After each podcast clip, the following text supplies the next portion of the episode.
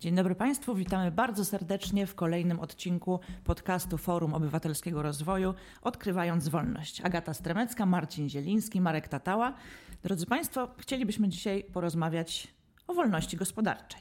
Pozwolicie Państwo, że zacznę takim cytatem z profesor Didri McCloskey. Od czasu powstania socjalizmu i nowego liberalizmu w późnych latach XIX wieku zaczęto uważać wolność ekonomiczną za wulgarną i opcjonalną. Coś, na czym zależy tylko grubym rybom. Czy na wolności gospodarczej zależy tylko grubym rybom? Taka jest często narracja, między innymi właśnie w tych środowiskach, o których Didri McCloskey tutaj wspominała. Natomiast jedno jest to, komu zależy, a drugie, komu powinno zależeć. I uważam, że zależeć powinno zwłaszcza tym, którzy nie są grubymi rybami, bo wolność gospodarcza prowadzi do wzrostu, który koniec końców podnosi poziom życia e, wszystkich ludzi, również tych najbiedniejszych, a może właściwie przede wszystkim tych najbiedniejszych. Cała historia ostatnich 200 lat to jest historia wychodzenia ze skrajnego ubóstwa kolejnych grup społecznych. Poziom odsetek osób żyjących w skrajnym ubóstwie systematycznie maleje, co jest najlepszym dowodem na to, że wolność gospodarcza jest w interesie ludzi biednych. W tegorocznym e, dodatku do, do badania wolności gospodarczej, które przygotował Fraser Institute, znalazł się zresztą specjalny rozdział dotyczący mobilności dochodowej e, i autorzy tego badania wykazują, że kraje, w których jest wyższy poziom wolności gospodarczej, e, to kraje, w których biednym łatwiej wychodzić z tego ubóstwa i jest o wiele większa ta mobilność dochodowa. Dodatkowo warto rozróżniać coś, za co często są zresztą atakowani liberałowie, to znaczy, że my jesteśmy osobami e, probiznesowymi, a jest coś innego bycie osobą probiznesową, a osobą prorynkową. E, I myślę, że z tej perspektywy trzeba patrzeć na wolność gospodarczą, która na przykład oznacza dobrze działający system e, konkurencji, w którym słabo działające firmy są z tego rynku wypychane i w żaden sposób nie będziemy bronić takich firm, niech one sobie znikają, bankrutują, niech ich, właściciele tracą e, pieniądze, muszą, są zmuszeni do ogłoszenia upadłości. E, zresztą to akurat też jest jedna z kwestii, która wiąże się z wolnością gospodarczą, to, to, to znaczy nie tylko jak łatwo firmy wchodzą na rynek, ale też jak łatwo mogą z niego znikać właśnie w formie dobrego prawa upadłościowego, więc w żaden sposób nie oznacza to ochrony biznesu, ochrony przedsiębiorców, tylko ochrony wolności, wolności jednostek, które prowadzą działalność gospodarczą, które pracują w tych firmach, które są ich właścicielami, ale które są też ich pracownikami. E, I z tej perspektywy myślimy jako liberałowie na wolność e, tą gospodarczą często spoglądamy, która jest częścią takiego szerszego spektrum wolności e, jednostek. Tu jeszcze dodam do tego, co powiedział Marek. Często grube ryby chcą właśnie wprowadzania regulacji, które będą utrudniały wejście nowym firmom na rynek, wejście tym, tym firmom na rynek, które by zagrażały dominującej pozycji firm już istniejących, czyli właśnie tych grubych ryb. My, liberałowie, mówimy jak najmniej barier wejścia, jak najmniej barier wyjścia. Swoją drogą nie wydaje Wam się dziwne, że tak naprawdę przecież jest, jest potwierdzenie w dziesiątkach, czy nie nawet setkach badań empirycznych, Y, że wolność gospodarcza ma gigantyczny wpływ na wzrost gospodarczy, a co za tym idzie, tak jak powiedzieliście, na rozwój społeczeństw, na wychodzenie z biedy. Jak to jest, że ciągle jest tak y, silnie atakowana? No, myślę, że te ataki z jednej strony wiążą się właśnie z dominacją tych mitów, że y, wolność gospodarcza jest tylko dobra dla tych, nie wiem, dużych, grubych ryb, dla różnego rodzaju wielkich korporacji, e, gdy tak naprawdę to często państwowe regulacje e, działają w ten sposób, że wspierają już tych istniejących na rynku, czy tych, którym udało się osiągnąć odpowiednią e, pozycję i są de facto taką ich ochroną. Znoszenie tych regulacji to jest umożliwienie konkurencji i umożliwienie podgryzania tym mniejszym rybom tych większych ryb, więc z tej perspektywy myślę, że ataki są związane po prostu z niezrozumieniem tego, czym jest wolność gospodarcza z drugiej strony też e, wydaje się, że jest to po prostu e, element generalnego podejścia antykapitalistycznego, antyliberalnego, e, pokazywania, że całe zło tego świata tak naprawdę wynika z wolności gospodarczej, co zaprzeczają właśnie wspomniane badania dotyczące krajów o wysokim poziomie wolności gospodarczej. Kiedy popatrzeć na dane, w tych krajach jest nie tylko wyższy poziom rozwoju, ale też wyższa, dłuższa długość, wyższa długość życia, wyższy poziom poziom, niższy poziom analfabetyzmu, lepsze wskaźniki dotyczące jakości życia, ochrony zdrowia, dochodów mieszkańców, a także właśnie tej mobilności, czyli wychodzenia osób z ubóstwa w kierunku klasy średniej, osób o wyższych dochodach. I jakby dane empiryczne niestety o wiele mniej się przebijają niż emocjonalne antykapitalistyczne slogany, których jest pełno i które właśnie często opierają się na mitach, co zresztą sprawia dużo trudności naszej pracy, bo często musimy odnosić się do e, czy to zmyślonych e, tez na temat tego, czym jest liberalizm, czy do e, swego rodzaju chochołów, z którymi ciągle musimy się mierzyć, wymyślanych przez przedstawicieli tego nurtu antykapitalistycznego. Ja jeszcze bym dodał do tego, co powiedział Marek, że z jednej strony mamy tak jak Marek wspomniał, niezrozumienie tego, czym jest wolny rynek, ale z drugiej strony mamy też niezrozumienie tego, czym jest państwo. Państwo jest de facto monopolistą na użycie przemocy i przymusu na danym terytorium. Potrzebnym monopolistom, żeby zachować y, porządek i bezpieczeństwo, natomiast nie jest cudotwórcą, a jest często tak traktowane, że wystarczy prowadzić ustawę na przykład, żeby znieść ubóstwo. Tak można odnieść wrażenie, że taka wiara w pewne środowiska jest dość powszechna, że wystarczy, że państwo coś dobrze ureguluje, znacjonalizuje i tak dalej i problemy znikną. A jest zupełnie odwrotnie. Państwo właśnie jako monopolista na użycie przymusu i przemocy, y, przez to, że ma jeszcze y, aparat regulacyjny, który często służy tym, którzy są w dobrych y, koneksjach z aktualnie rządzącymi, jeżeli do tego jeszcze ma swoje państwowe firmy, no to wykorzystuje ten aparat regulacyjny do tego, żeby służyć właśnie tym podmiotom, które mają odpowiednie koneksje, a nie służyć tym, którzy tych koneksji nie mają. Marek wspomniał już o indeksie, bo mm, powiedzieliśmy trochę o teorii wolności gospodarczej, ale porozmawiajmy w takim razie, jak to się ma do Polski, do naszej obecnej sytuacji. Fraser Institute, duża instytucja kanadyjska, która publikuje indeks Economic Freedom of the World, przedstawia taki bardzo kompleksowy obraz wolności gospodarczej. My jako FOR byliśmy w tym roku partnerem tego indeksu. Y, I nasza udana transformacja, która rozpoczęła się w 1989 roku, przecież przyniosła Polsce wielką poprawę z zakresu wolności gospodarczej. Bo jeszcze w 90 roku Polska zajmowała 105 miejsce w rankingu. Później po wejściu do Unii Europejskiej w 2004 roku było to już 62 miejsce, ale od 2015 roku mamy jednak do czynienia no, ze spadkiem. A w ostatniej edycji indeksu, to jest za 2019 rok, nasza pozycja to jest 75 miejsce. Co się stało? Mamy w tej chwili efekty złych rządów ostatnich lat, które są i w sferze retorycznej, i w sferze praktycznej bardzo antyliberalne. Z jednej strony mamy do czynienia z wprowadzaniem nowych regulacji. Oczywiście no, rząd się chwali, że przeprowadza różne projekty deregulacyjne, ale to są jakieś pewne drobnostki, które dziś się zdarzają na marginesie, a jednocześnie wprowadza dużo regulacji bardzo poważnych i bardzo poważnie ograniczających wolność gospodarczą. Tutaj mogą być przykładami często przez nas opisywane takie regulacje jak zakaz handlu w niedzielę, yy, ograniczenia w otwieraniu nowych aptek, ograniczenia yy, w prywatnym obrocie ziemią rolną itd. Tak itd. Tak to są poważne ograniczenia wolności gospodarczej. Do tego dochodzi, dochodzą działania yy, nacjonalizacyjne. Mieliśmy do czynienia ze znacjonalizowaniem drugiego co do wielkości polskiego banku PKO SA. W tej chwili około 40% aktywów sektora bankowego znajduje się pod kontrolą pośrednią bądź bezpośrednią państwa. A jak wiadomo, sektor bankowy jest w gospodarce rynkowym krwiobiegiem właściwie. Przyjmuje depozyty, dostarcza kredyt. Właściwie większość aktywności gospodarczej dzieje się przez y, system bankowy obecnie, więc to jest bardzo groźna sytuacja, gdy tak dużą część tego sektora bankowego posiada państwo. Do tego dochodzi jeszcze, tutaj akurat w tym indeksie to nie, nie zostało tak uwzględnione z tego powodu, że on jest za 2019 rok, ale jednym z elementów składowych tego indeksu jest też solidny pieniądz a od y, właściwie początku 2020 roku mamy w Polsce podwyższoną inflację.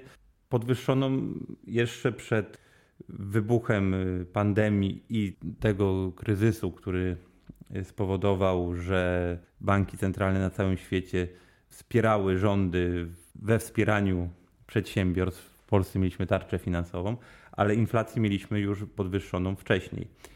Natomiast bank centralny w Polsce nie decydował się na podjęcie jakichkolwiek kroków, które by mogły tej inflacji wtedy y, zaradzić. I do tego wszystkiego dochodzi jeszcze kryzys praworządności, która też jest składową tego szerokiego indeksu wolności gospodarczej Fraser Institute.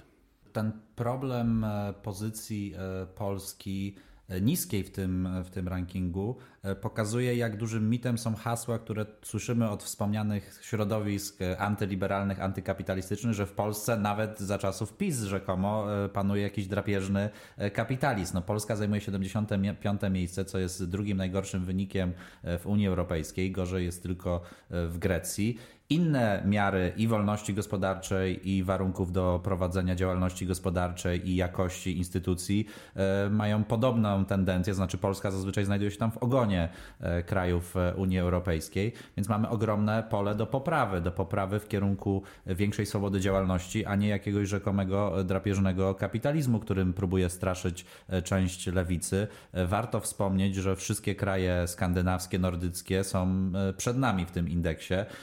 Dania w niektórych miarach znajduje się w pierwszej dziesiątce, pierwszej piętnastce.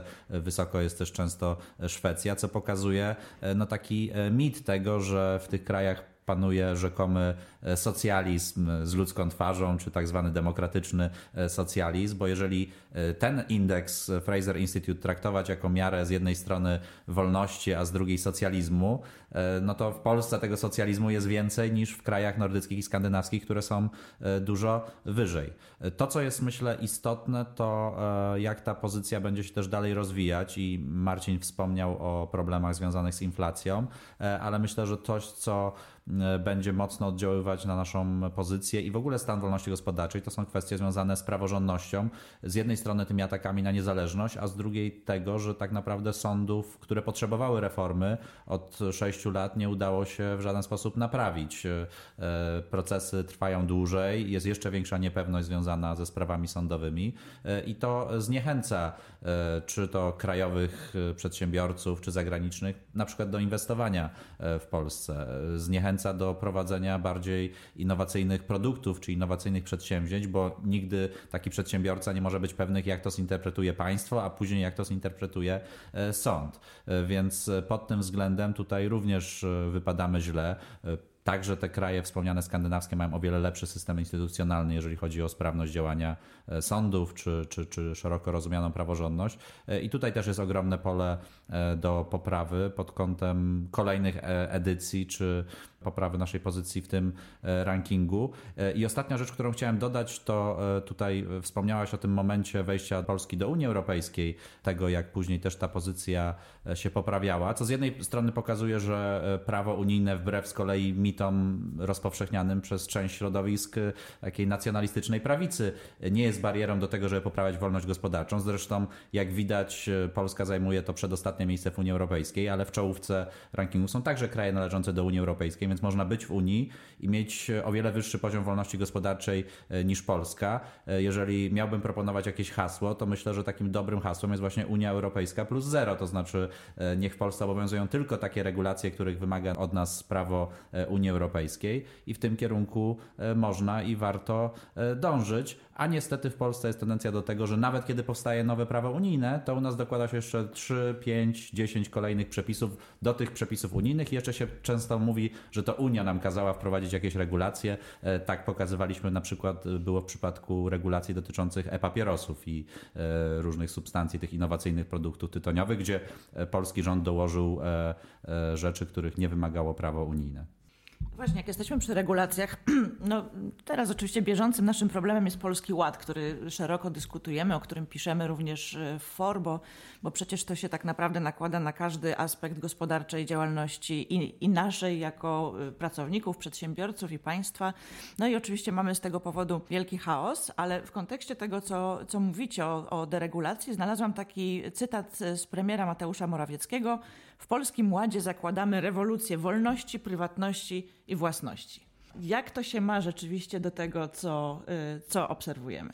No, to nie pierwsza już zapowiadana przez premiera Morawieckiego rewolucja y, w kierunku wolności. Może nie zawsze używał dokładnie tych samych słów, ale chciałbym przypomnieć, że kilka lat temu, jak była wprowadzana ta słynna konstytucja dla biznesu, która miała tak poprawić sytuację polskich przedsiębiorców, też mieliśmy mnóstwo haseł, sloganów, retoryki i się okazało, że się nic nie zmieniło. W przypadku Polskiego Ładu mamy do czynienia z sytuacją prawdopodobnie gorszą jeszcze niż wtedy w przypadku y, konstytucji dla biznesu, dlatego że konstytucja dla biznesu no, no, w sumie była neutralna, a chaos, jaki wprowadza Polski Ład, gdy księgowi nie wiedzą, jakie zaliczki na podatek dochodowy potrącić y, pracownikom i tym momencie wiele osób dostaje niższe wynagrodzenie niż dostawałoby rok temu i niż powinno dostawać według tego, co zapowiadał premier, no to jest sytuacja bardzo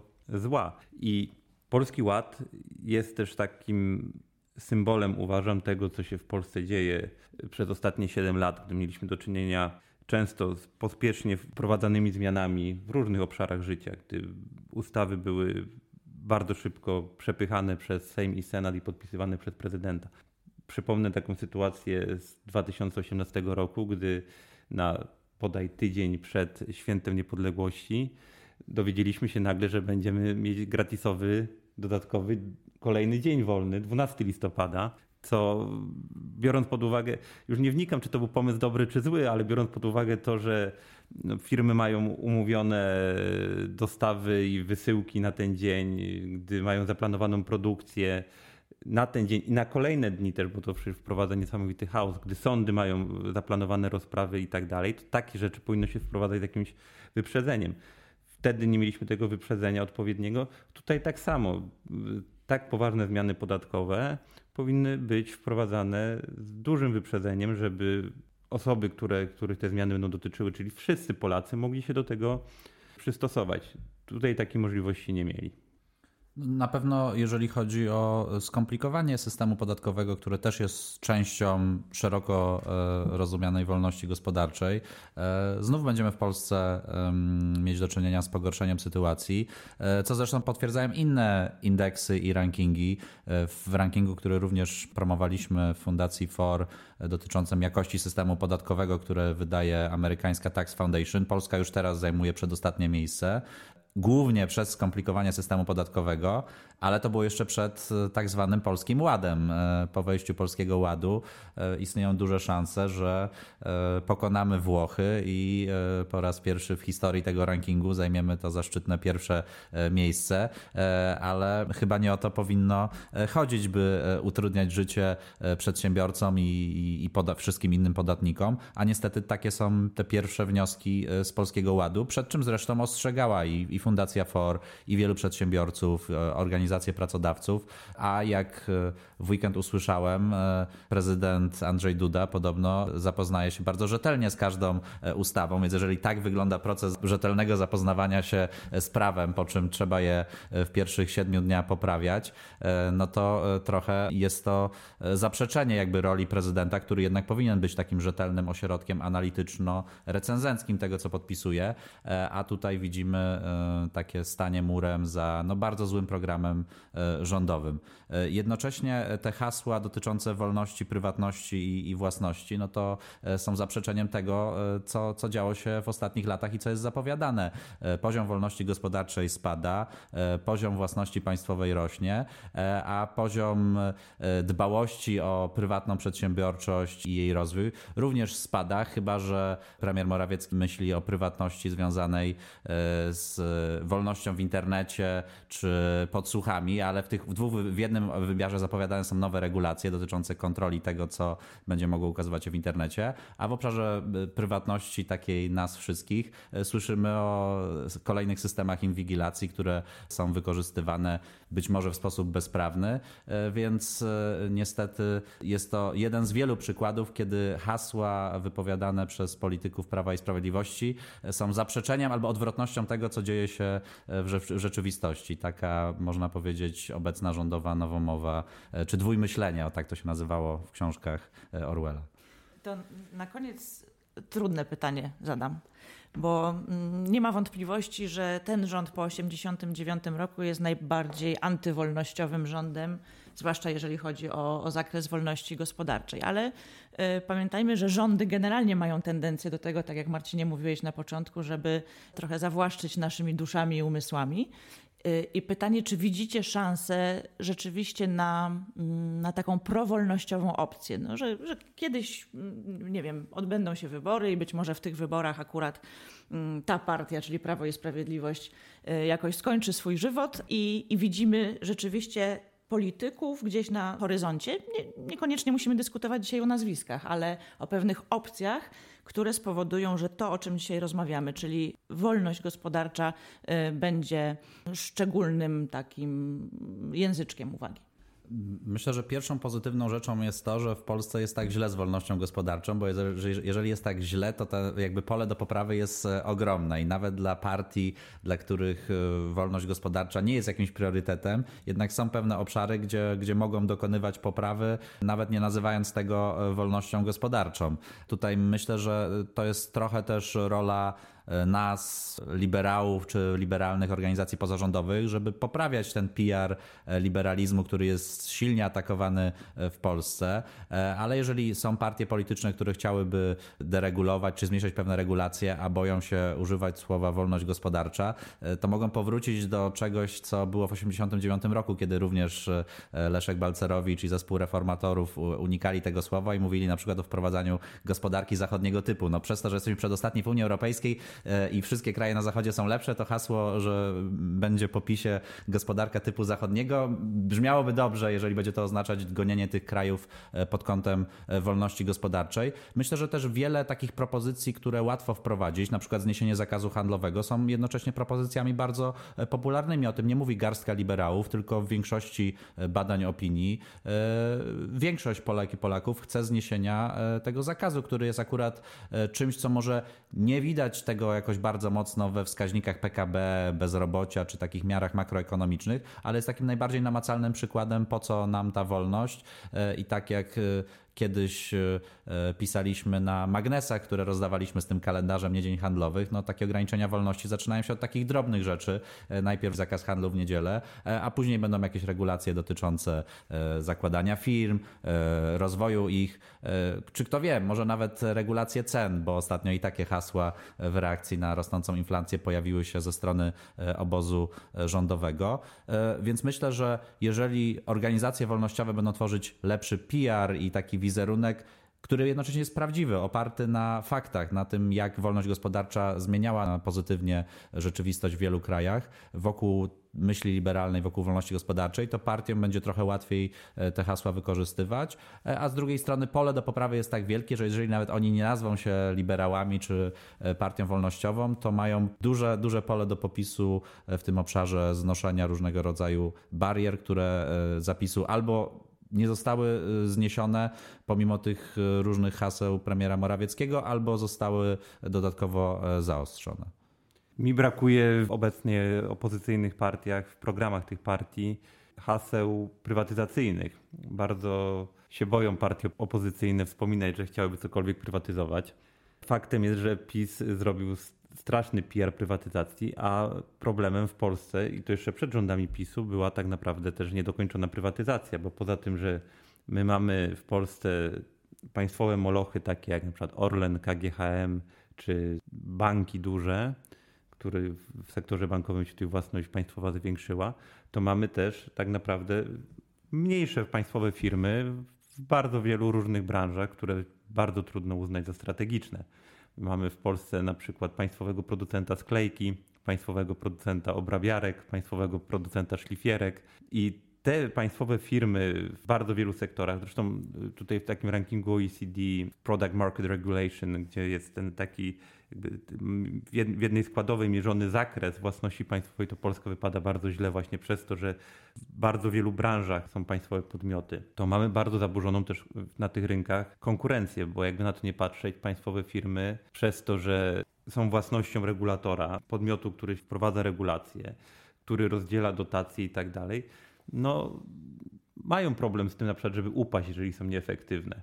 i przez to blokują dostęp do zasobów, do kapitału i sił roboczej dla firm prywatnych, które by chciały na taki rynek wejść. Niestety no, w tej chwili mamy w przypadku partii opozycyjnych takie dziwne pomysły powoływania jakichś komitetów nominacyjnych, jakichś różnych dodatkowych urzędów czy biur, czy jakichś podmiotów w ramach ministerstw, które miałyby się zajmować nominowaniem członków zarządu i oceną ich pracy w państwowych firmach, a niestety nie mamy żadnego pomysłu, głośno wyrażanego pomysłu na prywatyzację.